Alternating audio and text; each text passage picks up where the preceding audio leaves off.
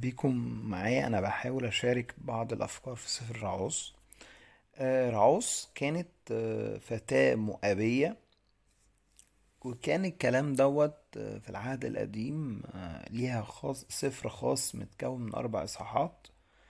بيقول الكتاب في إصحاح واحد وعدد واحد حدث في أيام حكم القضاة. القضاة اللي هم آه، كانوا آه، بشر عاديين جوه آه، الأسباط. شعب بني إسرائيل اللي كان بيطلع قاضي أو بيطلع راجل في وسط العيلة بيخلص العيلة دي أو بيخلص الأمة كلها أو الشعب كله من آه، ال- الناس اللي هم أهل كنعان أو مديانيين أو آه، أو أعداء بيهجموا عليهم. وكان نتيجة إن هم فقدوا بركة الحماية من ربنا. كانوا القضاة دول بيتغيروا من فترة للتانية. ولو قعدنا ندرس في سفر القضاء بنلاقي آه، في اختلاف شوية آه، ارتفاع روحي وشوية انخفاض.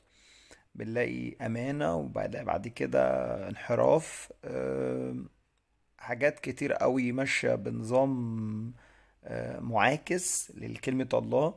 حتى في الكتاب بيقول كده إنه كل واحد عمل ما حسن في عيني دي آخر آية في سفر القضاء ف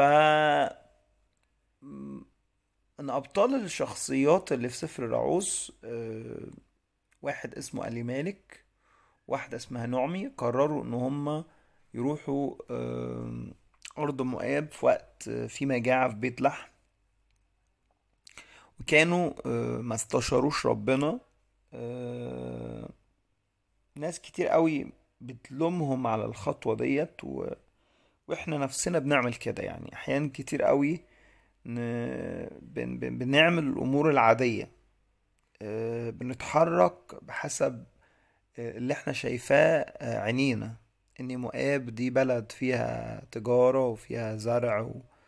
وكانت بالقرب من أرض خصبة وهي أرض خصبة وقرب من نهر الأردن.